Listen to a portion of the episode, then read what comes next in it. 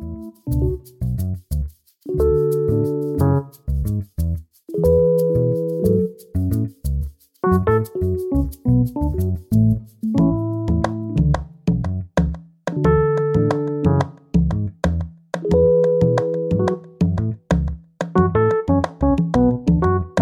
Welcome to this special episode where you will hear my interview with Frederick Crews. He is one of the world's leading experts on Sigmund Freud and has written several books on the subject. His latest work, Freud, The Making of an Illusion, published in 2017, is a great read for anyone who wants to know more about Freud. I had the opportunity to speak with Frederick in June of last year, and um, since then he actually has turned uh, 90. But as you'll hear, he's says, sharp as ever. This interview was conducted for a four part documentary in Swedish that explores various aspects of Freud's life. Two of the topics covered in that documentary are the Anna O case and uh, Freud's cocaine habits, and um, consequently, some of my questions revolve around these subjects, of course, but not all of them. Fred also discusses Freud's obsession with money, his lack of scientific qualities, and how the psychoanalytic establishment has obscured the truth about Freud for decades.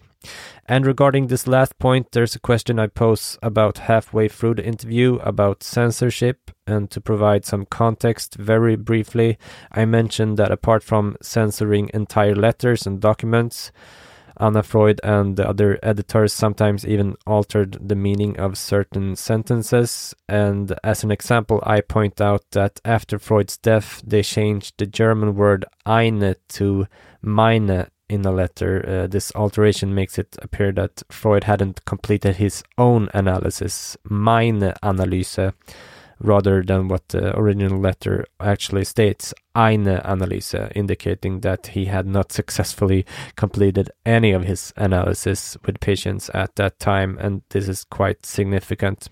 If you enjoyed this interview, I've also conducted an interview with another distinguished Freud expert, Frank Sulloway, so make sure you check that out too. All right, I hope you enjoyed this interview. And if you'd like to get in touch with me, you can find me on Twitter at C underscore Dahlstrom. Enjoy.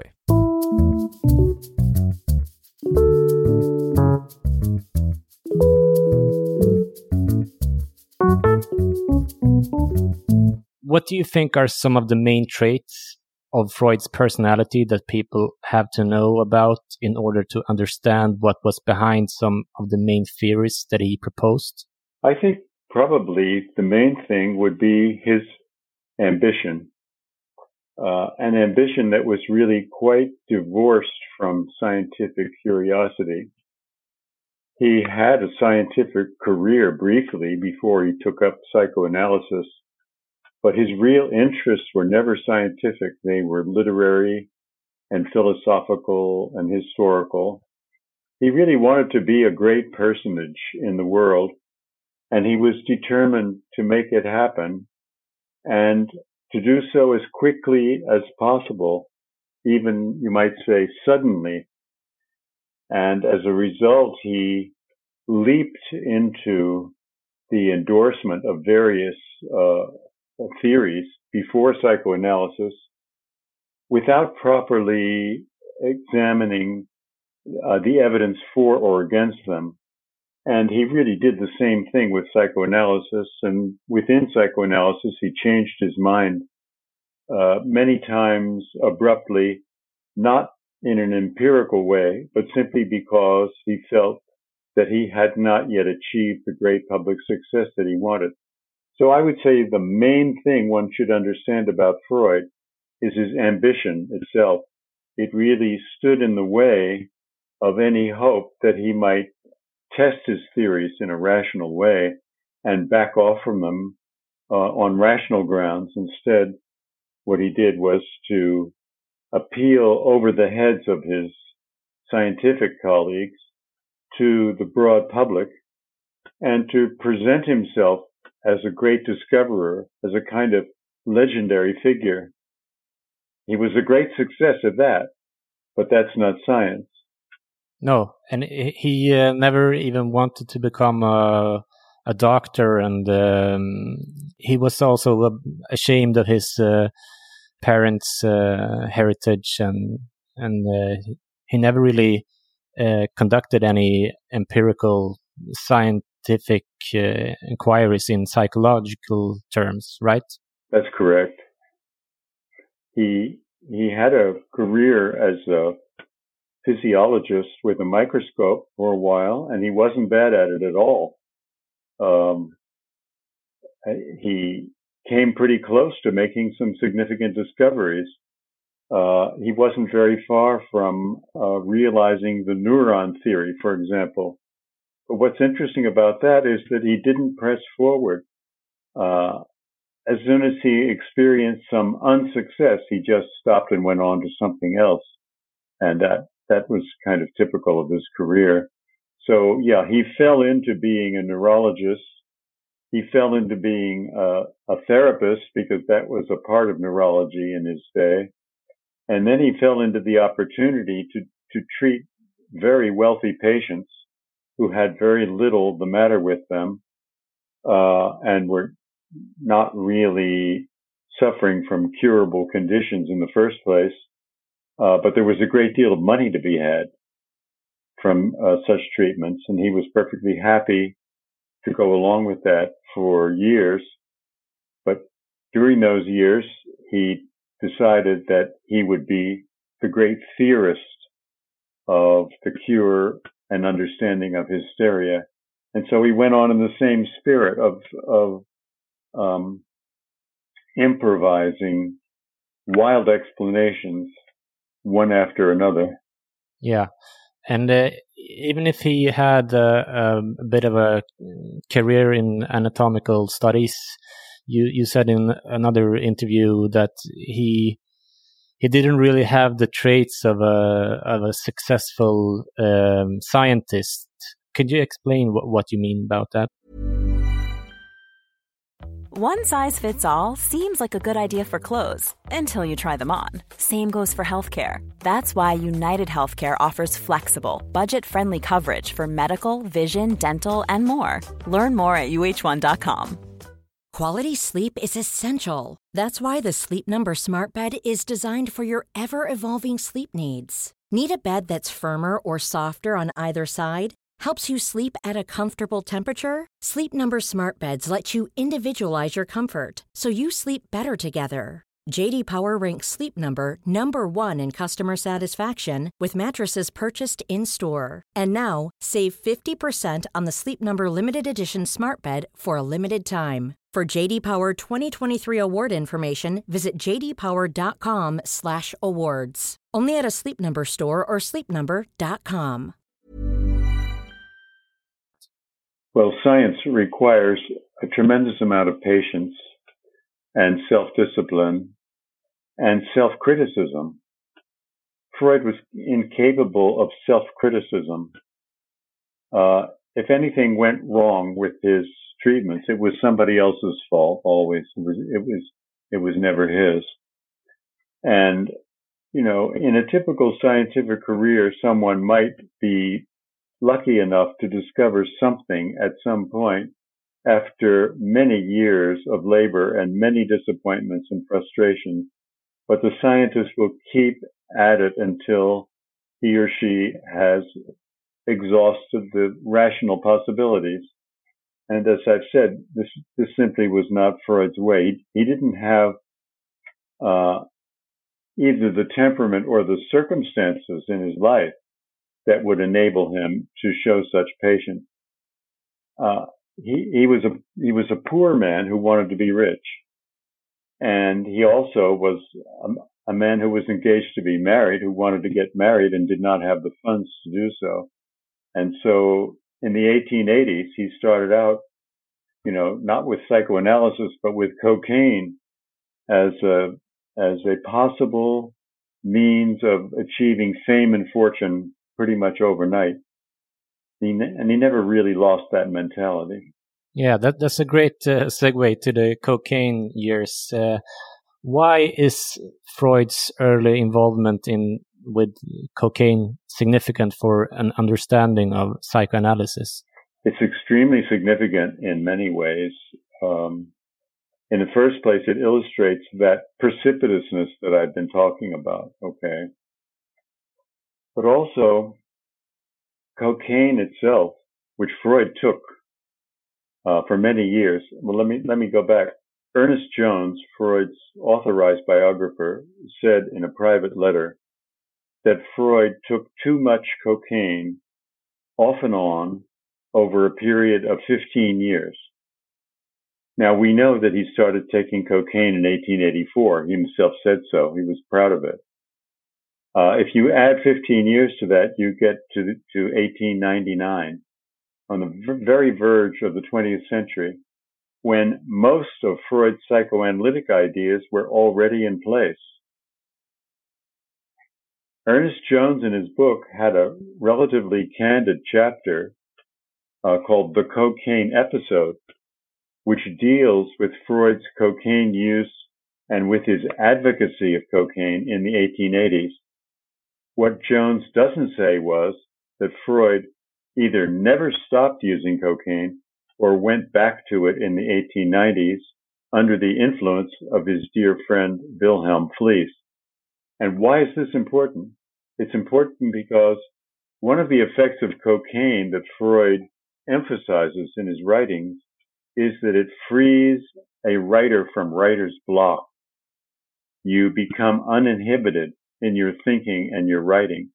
Well, if that's so, what this implies is that Freud's theories were developed under the influence of cocaine. And if you read the Freud Fliess letters with that in mind, you will see a great deal of evidence of confusion of mind as he searches around for, you know, the key, the key to the unconscious and so forth. Another thing about cocaine, which is, which everybody knows, is that it increases sexual excitement and concern with sexuality in general. But what is Freud's intellectual career all about? It's about sexuality. Uh, and sexuality of a rather uh, perverse and weird kind, the kind that one might be hallucinating rather than thinking about.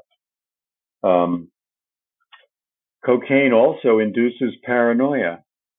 And Freud in his personal relations shows very distinct traits of paranoia, hatred and suspicion of other people. So, you know, the, the drug itself uh, is significant for an understanding of the personality of the inventor of psychoanalysis. But in addition, the manner in which he advocated the drug in the 1880s is also highly significant. Because what did Freud do? Did he do experiments with cocaine, uh, carefully determining what its positive and negative effects were before he told the public how wonderful it was? No. What he did was he read some back numbers of an American journal called the Detroit Therapeutic Gazette. He didn't even notice that this journal was a propaganda operation by the Parke Davis Drug Company. It was designed to sell drugs. Freud, Freud never even noticed that, even though the, the name of the owner of the uh, company was on the cover of the magazine. The Detroit Therapeutic Gazette had stopped recommending cocaine some four years before Freud became aware of it. He had to he had to read the back numbers. There was something about cocaine that made Parke Davis very nervous. They were backing off from it. But Freud didn't care about that. In the back numbers of this magazine, he found claims that cocaine was a wonderful cure for all kinds of things, including morphine addiction. And so immediately he just said, well, I am going to introduce Europe to the therapeutic effects of cocaine, including the cure of morphine. And so he began writing papers about it without any research, without any without any regard for the possible negative effects of cocaine addiction on, on many, many patients in Europe. So he was extremely reckless. But in addition to that, he had a very good friend who was also a brilliant teacher of his named Ernst Fleischl von Marxow, who was suffering from morphine addiction because of a very unfortunate accident which had caused him to have painful neuromas in his thumb. He took morphine for it and became uh, severely addicted to it and was really on the verge of suicide. So Freud said to Fleischl, I will cure, I will cure your morphine addiction with cocaine. And he obtained supplies of cocaine and simply administered them to Fleischl. We don't know exactly the form that this took at first, but this was a total disaster. Fleischl now became doubly addicted to both morphine and cocaine. And he lived on for many years in horrible agony, suffering terrible hallucinations, uh, becoming a skeleton of his former self, and eventually dying. But what did Freud do? He went out and wrote one paper after another about how he had enabled a morphine addict to get completely clean through the re- through the results of cocaine treatment. In other words, he was lying, absolutely lying. And this is perhaps the main thing that the public ought to understand about Freud. He was a liar. You know, if if someone asks me, give me some examples of Freud lying, I would say, give me one example of Freud telling the truth. What did he ever tell the truth about in his in his scientific career? I really, I really couldn't answer that question because he was faking it all along. And I think he was hoping that, you know, as they say, fake it till you make it. He was hoping that, that maybe some of his ideas would turn out to be true. But meanwhile, he was going to assert that they were true without testing them. So yeah, the cocaine is extremely significant. You know, the bi- the standard biographies of Freud spend between one paragraph and one sentence on the subject of cocaine.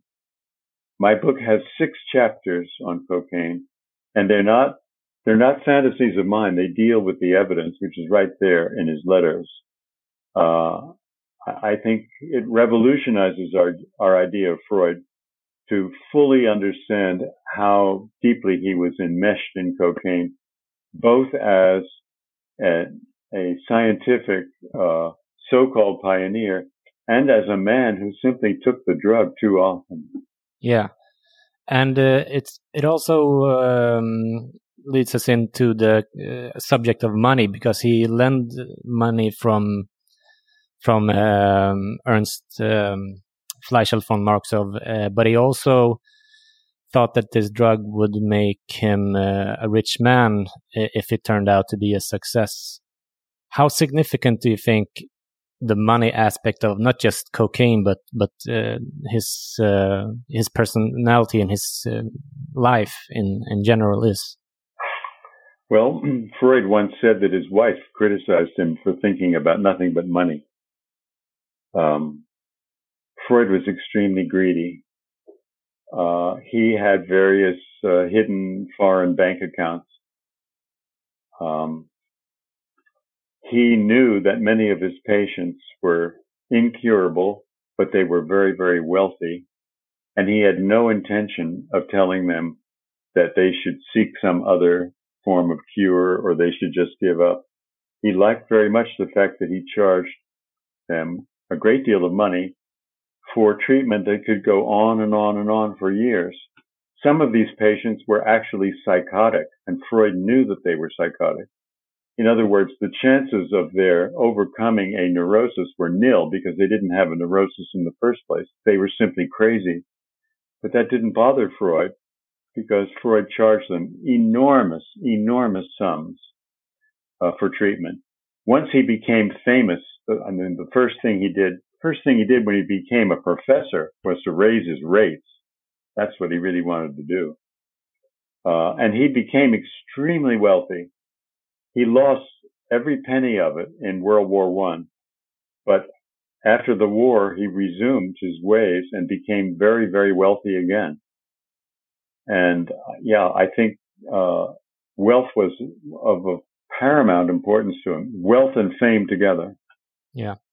But he was also uh, criticized for his uh, naive promotion of cocaine, which I guess was his first major setback. Can you give the listeners an idea of how extensive and damaging the criticism was back then? Yeah. Um, there was a man named Erlenmeyer who actually was a responsible physician who had been uh, dealing with cocaine and knew knew a great deal about it. Who read Freud's papers? Freud wrote four or five papers in the 1880s, uh, uh, rashly advocating the therapeutic uses of cocaine. Erlenmeyer read these papers and thought they were horrible and and criticized Freud and especially criticized him for recommending that morphine addicts be injected with cocaine. Freud's reply to Erlenmeyer was, I never said that. I never advocated the injection of cocaine with a patient. I just didn't do it. So he's absolutely lying. What he was doing was counting upon the fact that his readers would not look up his original papers and find out what he had said. So he was just brazening it out, and that's you know, that's really what he did all his life with his with his critics, just to assert that they were wrong or crazy, and that he hadn't said what they claimed he had said, or that one needed to be a psychoanalyst in order to judge psychoanalysis. He would constantly fend off criticism instead of taking seriously the objections that were made. This time was perhaps one of the boldest times though because he didn't only speak about it in his lectures but he also recommended it in his papers so and, and they were very previously published the the papers too yeah. uh, almost like you could uh, expect that it perhaps was the cocaine itself that made him so bold is that a taking it too far, or could that be? I don't think I don't think it's taking it too far at all. Um, because if you read some of these papers, they contain incoherences that suggest that his mind was not fully functional at, at the time. You know, one of the great mysteries of Freud biography is why Ernest Jones devoted such a candid chapter to the cocaine episode of the 1880s. But I think the answer is I mean, it lies in what you just said, that the papers were there. The papers could be consulted. Jones knew that there was no way you could ultimately hide from the public the fact that Freud had been Europe's most prominent advocate of the therapeutic uses of cocaine. Absolutely the most prominent. So, so what Jones called it was the cocaine episode, hoping that people would believe that it was over by 1887. And of course, it wasn't. And the psychoanalytic establishment did its best to obscure the extent of Freud's cocaine use. Uh, but um, and I, I read an, an interview uh, with you from just yesterday from 1999, where you talk about uh, this um, the committee that they um, yeah. Uh, arranged later on. Uh, but can you give the listeners an idea of the extent to which Freud himself and his disciples have tried to prevent the truth about cocaine and Freud's life and work in general from reaching the public public eyes? Because this stri strikes me as very important to know if you want to understand yeah. uh, Freud. Yeah.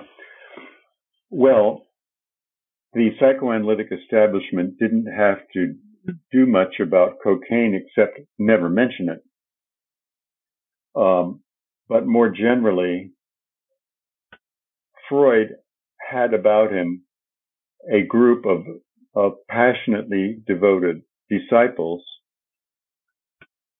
some of whom deserted him and founded other branches of psychoanalysis and criticized him. And of course, they knew a great deal about him because they'd been closely associated with him. And Freud's way of dealing with them was to get the remaining members of his circle to attack them and disgrace them and destroy them with lectures and papers that would slander and vilify them. And this was his so-called secret committee. This is Paige, the co-host of Giggly Squad, and I want to tell you about a company that I've been loving, Olive and June. Olive and June gives you everything that you need for a salon quality manicure in one box. And if you break it down, it really comes out to $2 a manicure, which is absolutely insane. It's also so easy to get salon worthy nails at home with Olive and June. The difference between how your nails used to look when you did them yourself and now with the Mani system is a complete game changer. The best thing about Olive and June too is it's a quick dry, dries in about one minute, lasts for five days, and full coverage in up to one to two coats. Visit oliveandjune.com slash perfect Mani 20 for 20% off your first system. That's oliveandjune.com slash perfect Mani 20 for 20% off your first system system. One size fits all seems like a good idea for clothes until you try them on. Same goes for healthcare. That's why United Healthcare offers flexible, budget friendly coverage for medical, vision, dental, and more. Learn more at uh1.com. Quality sleep is essential. That's why the Sleep Number Smart Bed is designed for your ever evolving sleep needs. Need a bed that's firmer or softer on either side? Helps you sleep at a comfortable temperature? Sleep Number smart beds let you individualize your comfort so you sleep better together. JD Power ranks Sleep Number number 1 in customer satisfaction with mattresses purchased in-store. And now, save 50% on the Sleep Number limited edition smart bed for a limited time. For JD Power 2023 award information, visit jdpower.com/awards. Only at a Sleep Number store or sleepnumber.com. He founded the committee by giving them all a special ring, uh, a sort of Wagnerian thing, uh, with their with their uh, ultimate loyalty to him being expressed by this ring. And it went on from something like 1912 all the way up to World War II. It was even constituted in a in an abbreviated form by Anna Freud after World War II. And over and over again, anytime anyone criticized Freud, his reputation would be smeared by the committee. That's what the committee was all about. Uh, it was it was a political operation. Now, of course, science does not operate this way. It operates in exactly the opposite way. Really, you you treat your adversaries with respect. You take very seriously what their formulations are and you try to refute them uh, with objective evidence. But the Freudians weren't like that at all. If anyone criticized psychoanalysis for any reason, that person was on the list to be destroyed. And the committee did a pretty good job of that for, you know, several decades. Um, it's, uh, it, it's much close, much closer to Stalinism uh, than to any scientific practice that we know about. Yeah, and that also strikes me when I think about the other part one of the parts of the the censorship uh, or the, things that it, they did to to make him look better uh, to uh, censor his letters and uh, hide the most part of them and, and even in some cases that you write about uh, editing, uh, like they edit one letter where he said that he never was success successful with any analysis, uh, eine in, yeah. in German, and they changed it to uh, meine. And I, I even looked at that uh, very letter yesterday to to to look at uh, how obvious it is that even if he writes very, you know, sloppy, you can you can uh, because there's another mention of the word eine and even a mention of the word meine on the same page, so you can. Right. It's very obvious that they edited it. So just to give the listeners a, a, a clue about just how extensive this censorship was with the 2113 uh, embargo on, on, some letters. Could you just tell me a little bit more about that? Yes, well, um, after the war, uh, Anna Freud was determined to improve her father's reputation. Uh, in fact, to really raise it to mythic status. And uh, with the help of others, she collected a lot of uh, manuscript materials and presented them to a man named Kurt Eissler, who then proposed to the American Library of Congress that they have a Freud archive uh, controlled by Eissler. And Eissler vigorously went around collecting Freud materials, not in order that the American public or any other scholars could read them, but for the opposite reason. He collected them so that they could not be read. Some of them were innocuous. There was no reason why they why they couldn't be open to the public. But what Eissler wanted to do was to take all the materials that might compromise the mythic picture of Freud and to prevent anyone from ever reading them or any reading them within the next 10, 20, 30, 40 years, or as you say, one, one document was censored up until 2013. 20, was it 2113? Now, over the years, there's been a great deal of criticism of this policy. And of course, some people wonder what, what the American Library of Congress is doing in the first place, uh, glorifying a Viennese, uh, uh, psychologist. Uh, you know, what exactly is the point? I think they were, they were badly fooled by the Freud establishment. But as new materials come dribbling out, our view of Freud changes, you know, ever so slightly every few years.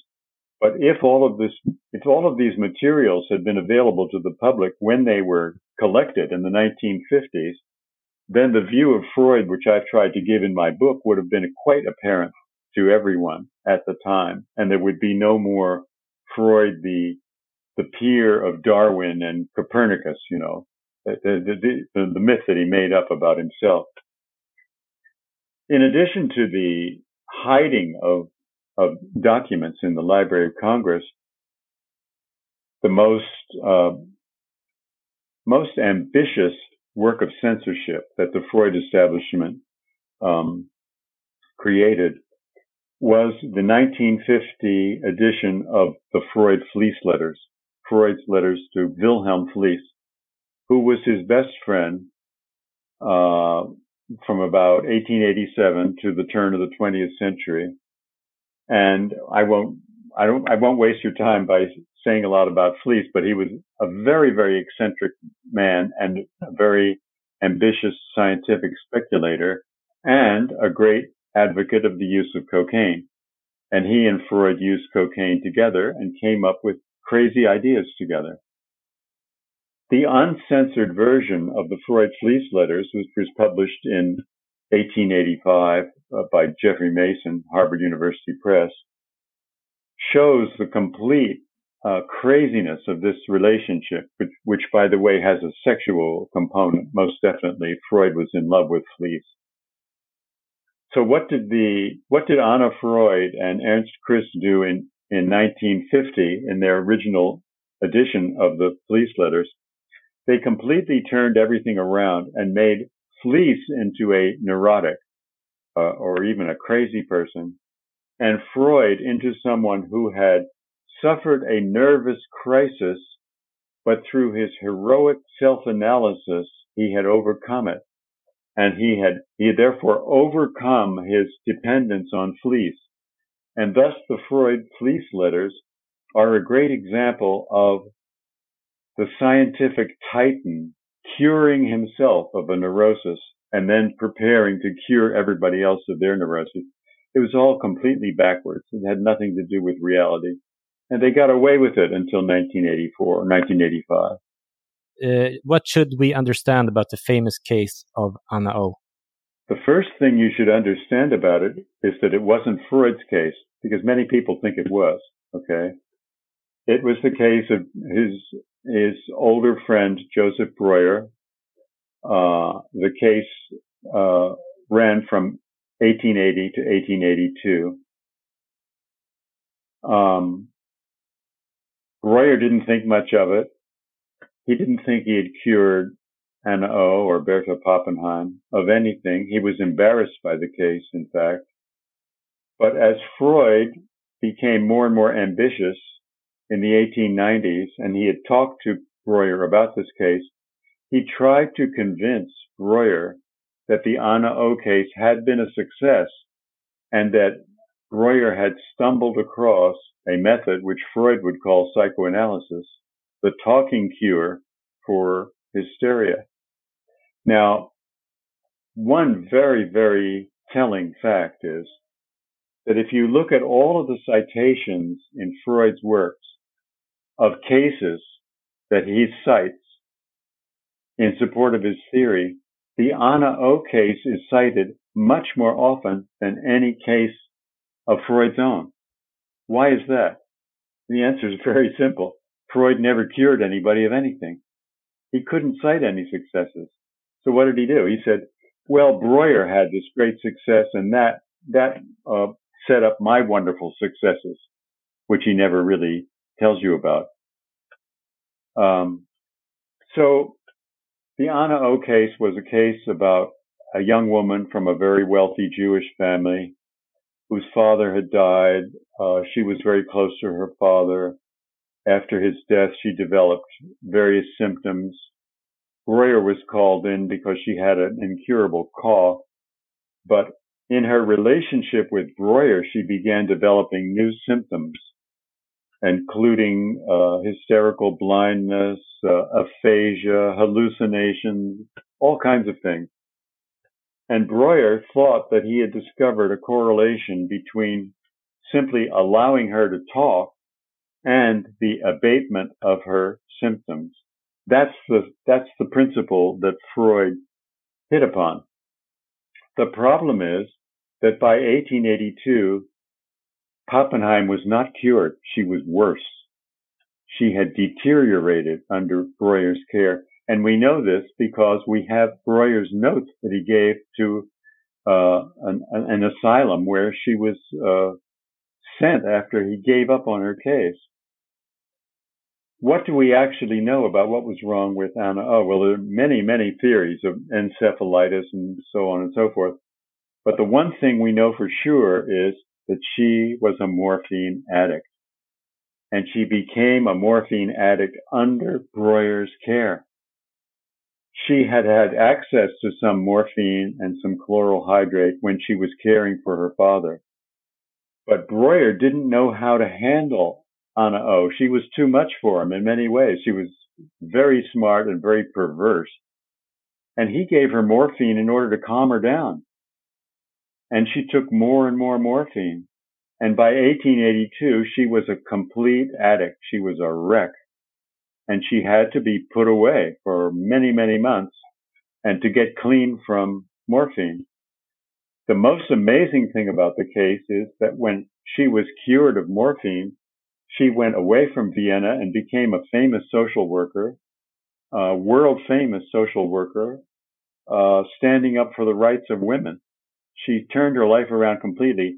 It had absolutely nothing to do with the talking cure. And she would not, for the rest of her life, she would not bear to hear the word psychoanalysis.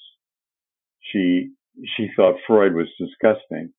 And Breuer was humiliated by the case and he was humiliated by the use of it that he allowed Freud to make. Unfortunately, he also compromised his own integrity a little bit in studies on hysteria, he he gave in to Freud's suggestion that he claim that Anna O was cured. He knew perfectly well that she hadn't been cured. So really, this case is is a terrific disgrace. It deserves to be a, a blot on the record of both Breuer, but especially Freud. And all of the praise that Freud heaped on the case is just just a bunch of lies, nothing more than lies. I'll add one more. I'll add one more thing if you have a moment. Breuer never regarded sexuality as playing any role whatsoever in the Anna O case. But Freud needed to claim that it was a sexual case. So he alluded to various symbolic aspects of her talk and so on. And then he began to spread the rumor that she had had a hysterical pregnancy, that she thought she had been impregnated by Breuer and again, this is just, just absolute poppycock. There's nothing to it at all. It's just Freud lying about somebody else's case in order to make it fit his specifications so that he would come out looking good. That's what he did over and over again throughout his life. But uh, as you said earlier, uh, Anna has been a um, centerpiece in psychoanalysis. Um, but even though the truth has been revealed for quite some time now, too, um, this doesn't seem to affect the faith of some or perhaps even most psychoanalysts. W- what does that in itself say about psychoanalysis? Because this is a very important case that they even today in in in some universities in Sweden uh, draw conclusions about. It's very hard to get psycho psychoanalysts to admit anything about the historical record. Um, the the key example is the transition from Freud's so-called seduction theory to psychoanalysis proper. In later years, Freud said his female patients had told him they were sexually abused by their fathers. And he had been tricked by this, and then he had come to his senses and realized that what they were really doing was revealing their Oedipus complexes. In other words, they had wanted to have sex with their fathers. That's the foundational claim of psychoanalysis. Very weird. In fact, Freud's female patients never told him anything about having been abused by their fathers because Freud's theory required them to have repressed any such knowledge. They couldn't possibly have told him about it because the whole point of psychoanalysis at that point in his career was to use the technique of therapy to bring out a memory which had not been there before. It was not conscious. So this is so simple and so easy to understand that Freud lied about what his patients had told him. But you cannot tell this to a psychoanalyst or to an advocate of psychoanalytic therapy or doctrine. They simply won't listen to it. The the point has been made by researchers over and over again from 1970 until now, and no Freudian will ever admit that it's the case. So that means the central fact of the history of psychoanalysis, namely that the transition from the seduction theory to psychoanalysis was made on claims which are false, simply won't be accepted. Now, why won't it be accepted? Very briefly, because Freud made himself a legendary figure. If you believe in psychoanalysis, what you're really believing in is Freud. Freud himself as a titan of science, as a, as a master discoverer, and as someone who was persecuted and who suffered and who overcame all kinds of uh, uh, opposition from uh, an ignorant and angry uh, and puritanical public.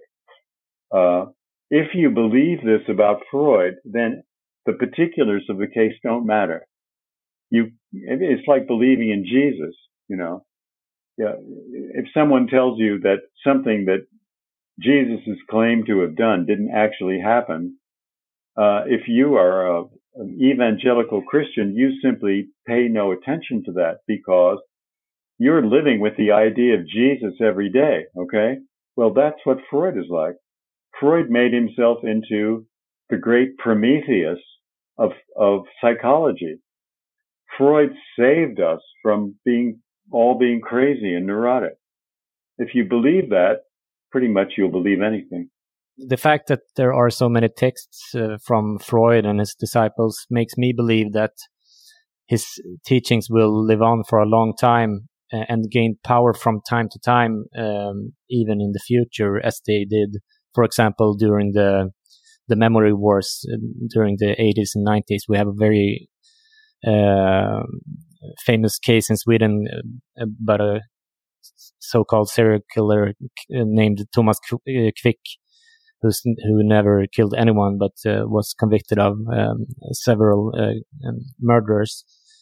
Um, and just as in religions, there's something for everyone in his uh, texts, and it's express, ex, expressed vaguely enough to, to to make the reader find their own truth. If you see what I'm saying, so do you agree that this this is a good uh, ground for for uh, this uh, um, teaching to to flourish from time to time, even over uh, periods of time in the future. Hey, it's Paige DeSorbo from Giggly Squad. High quality fashion without the price tag. Say hello to Quince. I'm snagging high end essentials like cozy cashmere sweaters, sleek leather jackets, fine jewelry, and so much more. With Quince being 50 to 80% less than similar brands.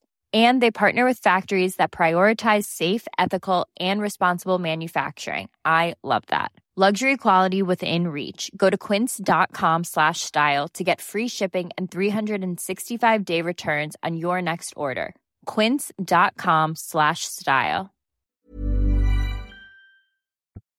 well the evidence up to now suggests that you're right because uh, the information that has come out about Freud in the last 30 or 40 years ought to be sufficient to reduce him to just a kind of comical episode in, in the history of, of psychiatry.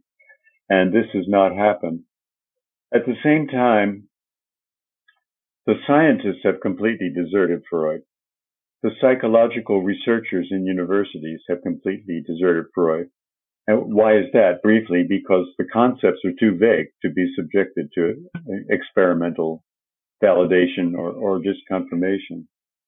Um, without the scientists and without the psychiatrists uh, being on Freud's side, his reputation has got to continue to dwindle. But members of the public who simply go to these texts and read them, you know, read, say, uh, um, the interpretation of dreams or the psychopathology of everyday life, they may be taken in again and they may find Freud utterly charming and, and seductive. But I think in the long run, there will be a decline. I won't say Freud will disappear. After all, he is one of the most interesting people who ever lived. I mean, to my mind, he's the greatest charlatan who ever lived. And that's, that's an achievement. He founded a brilliant pseudoscience which validates itself. That's interesting. It's interesting as intellectual history. So the case of Freud, if you will, is, is always going to be with us. But my hope is that belief in his propositions is going to keep declining as it has been declining.